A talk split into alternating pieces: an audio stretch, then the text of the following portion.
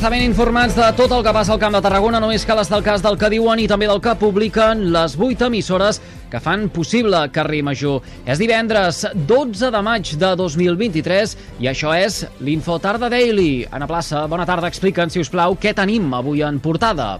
Bona tarda, Eduard. Avui comencem destacant que Protecció Civil ha activat l'alerta del Pla Inundat eh, per la previsió de pluges intenses, sobretot a partir d'aquest vespre nit a les comarques de l'Alcamp, el Baix Camp i el Tarragonès.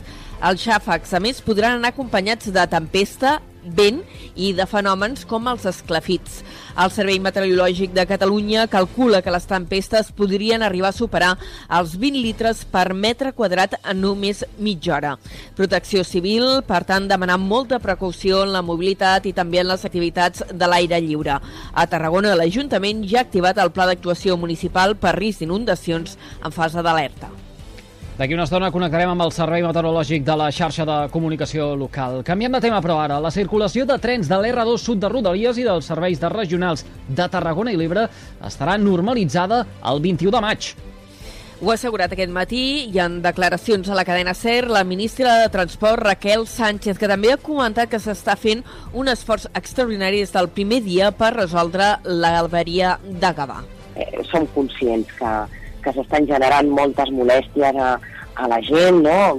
arribar tard a la feina, arribar tard a la universitat, on sigui que, que hi vagi, doncs eh, genera un trasbals a la gent. El primer és demanar, demanar disculpes, però, però bueno, eh, assumir aquest compromís de que a finals de la setmana, de la setmana que ve, com a molt tard dic el, el diumenge, tornarem a restablir, a restablir el servei i mentre no restableix la total normalitat, avui Adif anuncia que les freqüències de l'R2 Sud entre Vilanova i Barcelona passaran de 3 a 4 trens per hora a partir d'aquest dilluns i també es posarà en marxa un nou servei d'autobús llançadora entre Sitges i Barcelona. La inflació torna a pujar al Camp de Tarragona i les Terres de l'Ebre. El març es va tancar amb un IPC interanual del 2,1% i aquest últim mes s'ha enfilat fins al 3,5%.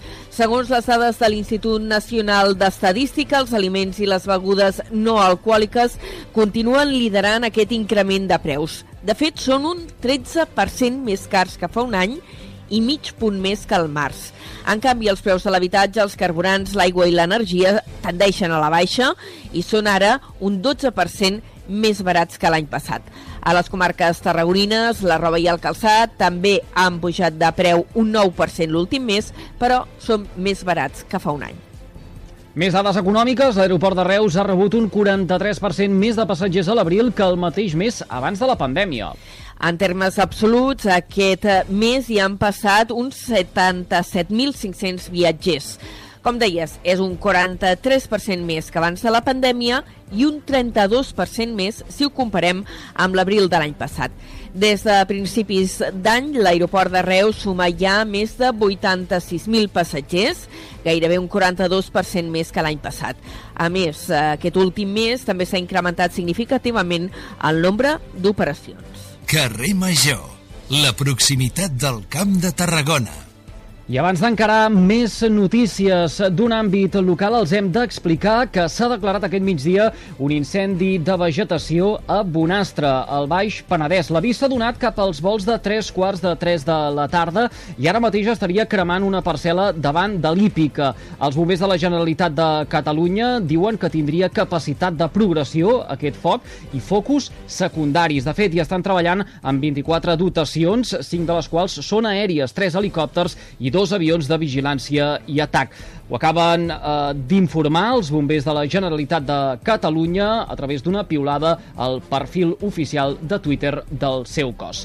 Dit això, que anirem seguint al llarg de la tarda, els hem d'explicar que avui han començat les aportacions de sorra a la platja d'Altafulla. Els, eh, el tràfic de camions ja és constant i les màquines excavadores es troben damunt de la platja des de fa hores. Els treballs s'han iniciat avui mateix, si bé en principi s'havien anunciat per aquest pròxim dilluns. La sorra procedeix de la platja de la Paella de Torre d'Embarra on s'acumula per les corrents marines. L'alcaldessa d'Altafulla, Montse Castellarnau, ha celebrat aquesta actuació empresa per costes de l'Estat. Realment ens n'alegrem molt doncs, que eh, aquestes converses dialogants i tots els tràmits que s'han anat fent doncs, fins a dia d'avui hagin donat el seu fruit i que realment tinguem aquest guany, aquest benefici de cara a la ciutadania per aquest proper estiu.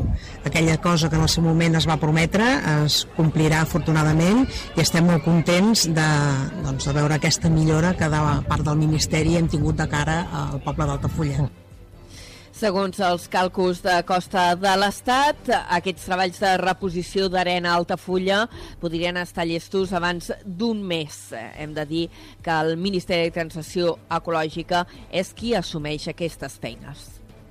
I la Policia Nacional ha desmantellat un grup criminal amb ramificacions a Barcelona i Tarragona que bloquejava el sistema de cites d'estrangeria. Gràcies a aquest sistema automatitzat aconseguien les cites disponibles per revendre-les posteriorment, tot i que és un tràmit gratuït. Els ciutadans estrangers, eh, per poder demanar hores, es veien obligats a contactar amb els propietaris o els intermediaris d'aquest vot informàtic a canvi d'una eh, contraprestació econòmica que oscil·lava entre els 30 i els 200 euros. La investigació ha permès identificar 94 persones presumptament involucrades en aquesta organització criminal, 69 de les quals han estat arrestades i 25 més estan investigades. Carrer Major és proximitat. En esports, el Nàstic s'enfronta aquest cap de setmana a un altre partit a cara o creu, a casa. Els granes estan encara a tan sols 3 punts de la zona de descens i arriba un rival directe al nou estadi, el Cornellà. Els barcelonins sumen 3 punts menys que els granes i estan igualats a la zona vermella. Un derbi català dramàtic, especialment per qui surti perdedor. La part positiva és que els tarraonins tenen l'oportunitat de tancar pràcticament la permanència si són capaços de guanyar. En parla el tècnic Dani Vidal. Bueno, supongo que dependerá también de los resultados que haya antes, pero está claro que yo supongo que, que con 49 puntos, aunque no se logra esta semana de manera matemática, pero sí que creo que sería, serían suficientes para, para ser la permanencia. El duel d'aquest diumenge entre Nàstic i Cornellà es disputarà a partir de dos quarts de set de la tarda al nou estadi. I en cultura destaquem que aquest cap de setmana els museus i sales d'exposicions del territori se sumen a la nit dels museus. A Tarragona, per exemple, hi ha vuit institucions que s'han unit per oferir la ruta Constel·lació Museu. A més, aquest cap de setmana hi ha moltíssimes activitats relacionades amb dos dels grans festivals del territori, el Trapezi, que s'està fent a Reus, i Tarraco Viva, a Tarragona. Carrer Major, fent camp de Tarragona. Dit tot això, coneguem quin temps ens espera de cara a les properes hores i connectem amb el Servei Meteorològic de la xarxa de comunicació local. Lluís Mi Pérez, hola, molt bona tarda. Ja comença a carburar l'atmosfera i, de fet, tenim molts ruixats i moltes tempestes que estan apareixent de cop a gran part ja del nord de Catalunya. Les eh, ruixades més intenses en aquests moments estan caient entre el Ripollès, la comarca també de la Garrotxa, cap al Prepirineu i algun xàfec intens ja a cavall dels dos Vallesos. Al llarg d'aquesta tarda, moltes altres tempestes i tamborinades que s'escamparan gairebé per tot Catalunya i sobretot ja entrada a la tarda i aquest vespre més intenses a la Catalunya central, les comarques de l'àrea metropolitana de Barcelona i al Camp de Tarragona. Plourà molt poc en el cas del Pla de Lleida, on l'ambient serà una mica més suau i a la resta del país anirà baixant la temperatura. Al cap de setmana també tindrem matins més tranquils tardes de tempestes més fortes demà i sobretot a Tarragona, la Catalunya central i la demarcació de Barcelona i també una senyora nevada, la que esperem el dissabte a l'Alt Pirineu per damunt dels 2.000 metres. Ho anirem seguint a la xarxa. Ara sí, doncs, ho deixarem aquí a la plaça. Gràcies per aquesta pinzellada informativa amb el més destacat de la jornada al Camp de Tarragona. Que vagi bé. Fins després. Fins després. I tots vostès poden recuperar l'Infotarda Daily d'aquest divendres 12 de maig mitjançant les xarxes socials i també els respectius serveis de ràdio a la carta a les 8 emissores que cada tarda passegen plegades pel carrer Major. Gràcies per seguir-nos.